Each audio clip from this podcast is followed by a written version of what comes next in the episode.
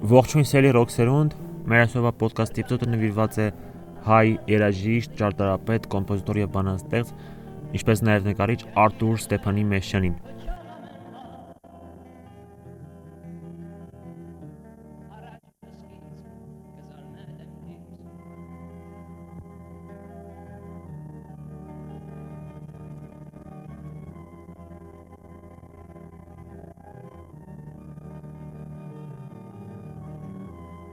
Արտուր Մեշյանը ծնվել է 1949 թվականի մարտի 3-ին Երևան քաղաքում։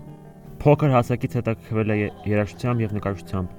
Մանուկ հասակում երգում էր հայկական եւ ռուսական երգեր, հետագայում նաեւ իտալական, անգլիական, ֆրանսիական, լեհական եւ հունգարական։ 7 տարեկանից հաճախել է Երևանի Ալեքսանդր Սպենդիանի անվան երաժշտական դպրոց, Չութակի ու Դաշնամուրի դասերի։ Նաև եկել է Սպենդիանի անվան օպերայի եւ բալետի ազգային ակադեմիական թատրոնի տղաների երգչախմբում։ Դպրոցական տարիներին սկսում է երաժշտություն գրել։ Հասուն տարիքում 1973 թվականին մոտ 1 տարի Արտուր Մեշյանը երգում է Մարիաթոր Սուրբ Էջմիածնի երգչախմբում, ինչ հետագայում մեծ ազդեցություն է ունենում նրա ստեղծագործությունների վրա։ Սկսենք ամենասկզբից թե երբ եւ ինչպես սկսեց ձևավորվել Մեշյանի երաժշտական ճանապարհը եւ պետք է հետ գնանք մինչեւ 1960-ական թվականներ։ Դեռևս դպրոցում ուսանելու տարիներին գրում է Ուրեր Աստված, Կտակը եւ Ծեյունի երգերը, Առաջին անգամ Ուրեր Աստված երգը հանդիսատեսի համար կատարվում է Երևանի թիվ 122 միջնակարգ դպրոցում, որտեղ եւ սովորում էր Մեշյանը։ 1966 թվականին ընդունվում է Երևանի Պոլիտեխնիկական համալսարան, ճարտարապետաշինարարական ֆակուլտետ։ Մասնագիտության ընտրության հարցում մեծ դեր է խաղում մտերմությունը հայտնի պատմաբան ագրագրագետ Հովսեփ Օրբելու աշակերտ Սեթրակ Բարխուդարյանի հետ։ 1967 թվականին ստեղծվում է Արաքյալներ ռոք խումբը, Արաքյալները սկզբնական շրջանում չունեին սեփական անվանում եւ հանդես էին գալիս որպես ճարտարապետական ֆակուլտետի խումբ։ Խմբը բացի Մեշյանից ընդգրկված էին նաեւ Լևոն Մելիքյանը, Գրիգոր Նալբանդյանը։ Արդեն երրորդ կուրսում խումբը հանդես է գալիս համերներով, որոնք հսկայական հաջողություն են ունենում ուսանող երիտասարդների շրջանում։ Միաձուլվելով հայ հոգևոր երաժշտությունը այդ տարիներին ծաղկում ապրող ռոքի հետ, խումբն անմոռանալի տպավորություն է թողնում օկնդիների վրա եւ դառնում իսկական հայտնություն։ Խմբի առաջին համերգները տեղի են ունենում Պոլիտեխնիկական ինստիտուտում եւ հանդիպում կոմերիտական ակտիվիստների դիմադրությանը։ Վերջիններս խմբի անդամներին բնորոշում էին որպես նորընծա առաքյալներ,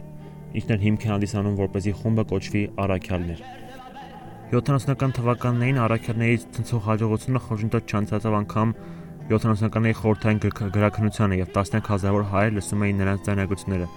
Խենթանոց ներկայացումը, որն առաջի հայկական ռոք օպերան է, ել առավել ամրապնդեց խմբի հանրաճանաչությունը։ Սրան հաջորդեցին ելույթները խորհրդային հանրապետությունների տարբեր համալսարաններում, խումբը մեծ հաջողությամբ ելույթ ունեցավ խորհրդային ռոքերաշտության առաջացման կենտրոններ համարվող Էստոնիայում եւ Մոսկվայում։ Մեծ հաջողությամբ էին անցնում առաքյալների ելույթները Կիրովականում, Լենինականում եւ Երևանում։ Առաքյալներն առաջին խումբն էր նախկին ԽՍՀՄ տարածքում, որ սեփական եկերը կատարում էր մայրենի լեզվով, Այն դեպքում, երբ խմբերի ճնշող մեծամասնությունը կատարում էր արևմտյան ռոք կոմպոզիցիաներ եւ երգեր։ 1971 թվականին առաքյալները հրավիրվում են մասնակցելու Լեհաստանում տեղի ունեցող խորհրդային պետությունների յետազդական երաժշտական փառատոնին։ Բայց Լեհաստան մեկնելու թույլտվություն տալիս են միայն Մեշանին, կոմիտական ակտիվիստների ուղեկցության պայմանով։ Մեշանի ելույթը մեծ հաջողությամբ է պսակվում։ 1972 թվականին Մեշյանը գերազանց պաշտպանում է դիպլոմային աշխատանքը, բայց ԽՍՀՄ-ի նկատմամբ ունեցած անհավատարմության պատճառով ստիպված է լինում աշխատանքի որոնման երկարատև փորձունեի միջով անցնել։ 73 թվականին Արտուր Մեշյանը եկում է Մարաթոր Սուպեշմեսնի երգչախմբում, որտեղ ծանոթանում է Վազգեն առաջին ամենը հայոց կաթողիկոսի հետ։ Վերջինս մեծ համակրանք էր տածում Մեշյանի արվեստի նկատմամբ, այդ իսկ պատճառով նա Մեշյանին առաջարկում է, որպեսզի նա ռեկվիեմ գրի հայոց ցեղասպանության զոհերի շտակի պատվին։ Տեքստային նյութերի որոնման ընթացքում Մեշյանի ուշադրությունը գրավում է Սփյուռքահայ բանաստեղծ Մուշեղիշխանի Տարապանք բանաստեղծությունների ժողովածուն, որը ԽՍՀՄ ակերված գրականություն էր համարվում։ Հեղինակի թույլտվությամբ Մեշյան օգտագործում է նրա բանաստեղծությունները ռեկվիեմ ստեղծելու համար։ Ունալով կաթողիկոսի օրհնությունը 75 թվականին ռեկվիեմն առաջին անգամ կատարվեց Մարիաթոր Սուպեշմեսնի վերհարանում իհարկե Հայաստանի եւ Թուրքի մշակութային վերնախավի ներկայությամբ ու կաթողիկոսի աջակցությամբ։ Մեծ դժվարություններ հաղթահարելով հաջողվում է կատարել ձայնագրությունը, սակայն ԽՍՀՄ-ում այս տեսակի ստեղծագործությունների թողարկումը անհնար էր։ ԱՄՆ-ում ձայնագրելու ու թողարկելու գաղափարը խափանվեց, քանի որ Ռեկվիեմի երգերը առանց հեղինակի մատուցան եւ դուրժվեցան արդեն 75 թվականին հայտնվում են Միացյալ Նահանգներում։ Միացյալ Նահանգներում հայտնելուց հետո շատ երգեր խեղաթյուրվելով Հարութ Փամբուչյանի կողմից կատարվում են ռեստորանային միջավայրում եւ այնուհետև լույս տեսնում առանձին ձայների զով։ Այդ դեպքից հետո երկար տարիներ Մեշյանը ռեկվիեմից ոչ մի երգ չէր կատարում, սակայն հետագայում ընկերների եւ եկեղեցիների խնդրանքով մոտավորապես 15 տարի անց մի քանի երգեր որոշակի վերամշակված տեքստով ընդգրկվում են 90-ականների սկզբին թողարկված ձայնասկավառակներում։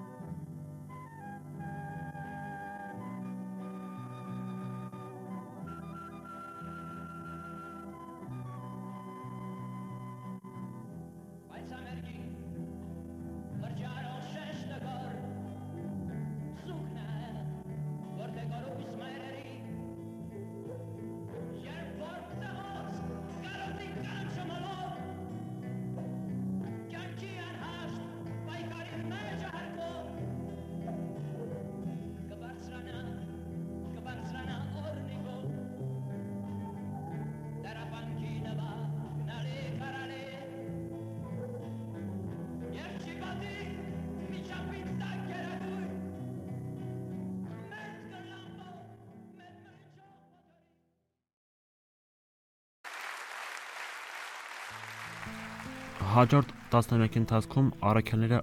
պատահականորեն կամ անսպասելիորեն հեռանում են երաշտական բեմից կամ անետան։ Դրանից հետո Մեշյանը սկսում է իր սեփական ուղին։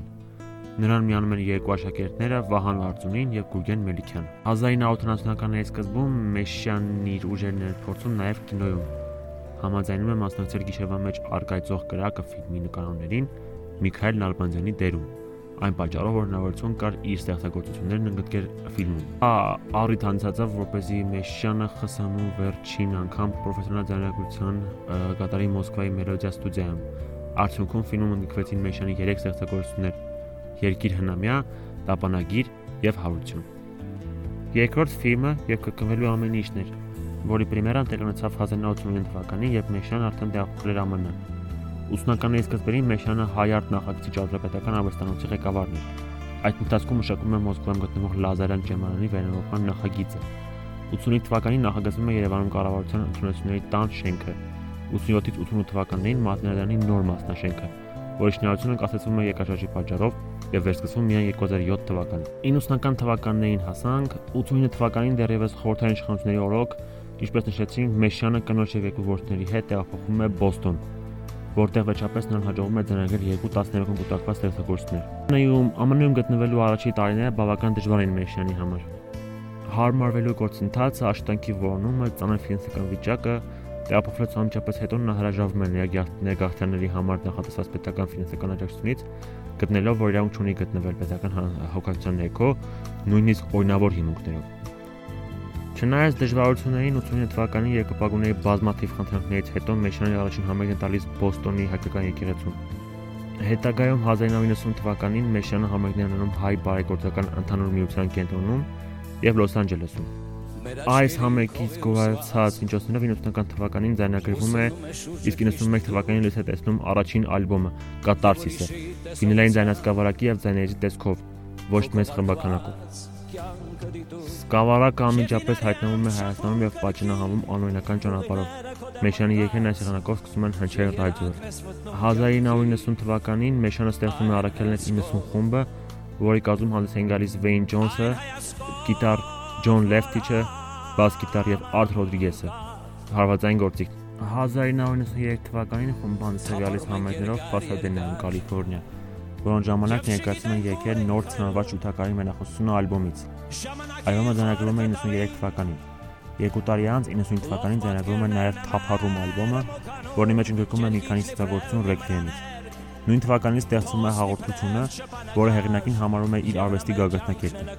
Առաջին անգամ հաղորդությունը հնչում է 1996 թվականի հուլիսին Pasadena First Church of Nazarene-ի դահլիճում։ Նույն թվականի հոկտեմբերին սիմֆոնի նվագախմբի նվագակցությամբ Հաղորդությունը հնչեց նաև Երևանում,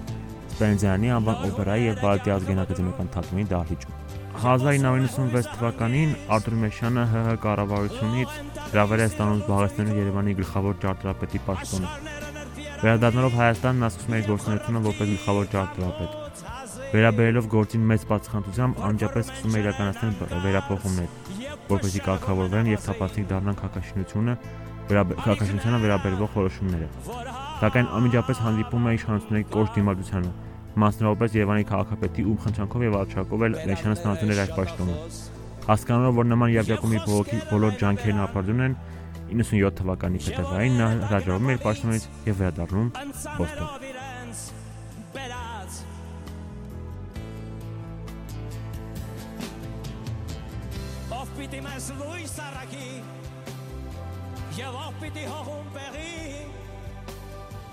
Այս խորացող պատարակը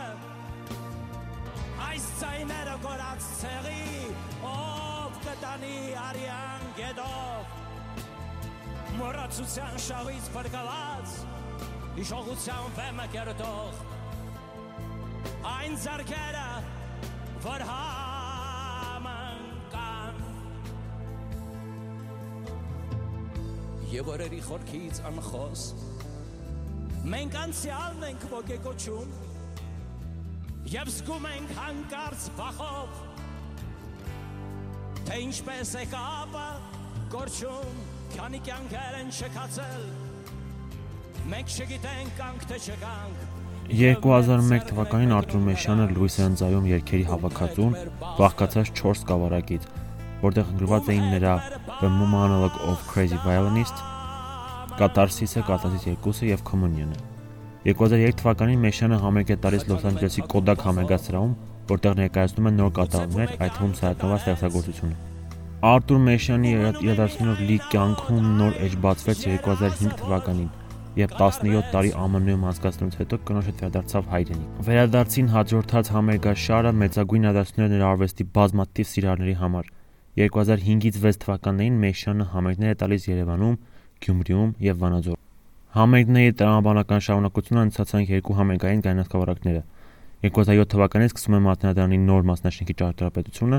գլխավոր ճարտարապետ Արտուր Մեշյանի գլխավորությամբ։ Շինարարական աշխատանքները հաջողվում է հավարտին հասնել 11 թվականին։ ՀՀ անկախության 20-ամյակին Բասեշյան պաշտոնների եւ հոգեվորականների ներկայությամբ տեղի ունենում մասնաշենքի բացման հանդիսավոր արարողությունը։ Չնայած զբաղվածությանը 2009 թվականի աշտանը կայանում են Մեշյանի համերգները Երևանում, Մոսկվայում, Լոս Անջելեսում, որտեղ նորովի հնչող 5 կատարումները զուգակցվում են նոր ստեղծագործություններով։ 2015 թվականի հունվարի 29-ին Երևանի Կոմիտասի անվան զբոսայգու Պանթեոնում բացվեց Կոմիտաս վարդապետի թանգարանը, որի ճարտարապետն է Արտուր Մեշյանը։ Սա անկախ Հայաստանի առաջին նորաստեղծ թանգարանն է։ Այն ունի գիտահետազոտական կենտրոն, 200 տեղանոց համերգային դահլիճ, երաժշտական ստուդիա, գրադարան, հրատարակչություն։ 2011 թվականին Արտուր Մեշյանը ապարգևատրվել է Սուրբ Մեծրոպ Մաշտոց շքանշանով, իսկ 2012 թվականին ՀՀ քաղաքաշինության նախարարության ոսկե մեդալով քաղաքաշինության բնագավառում նշանակալի ավանդի համար։ 2013 թվականին արժանացել է ՀՀ պետական մրցանակի Մաթենադարանի նոր մասնաշենքի համար։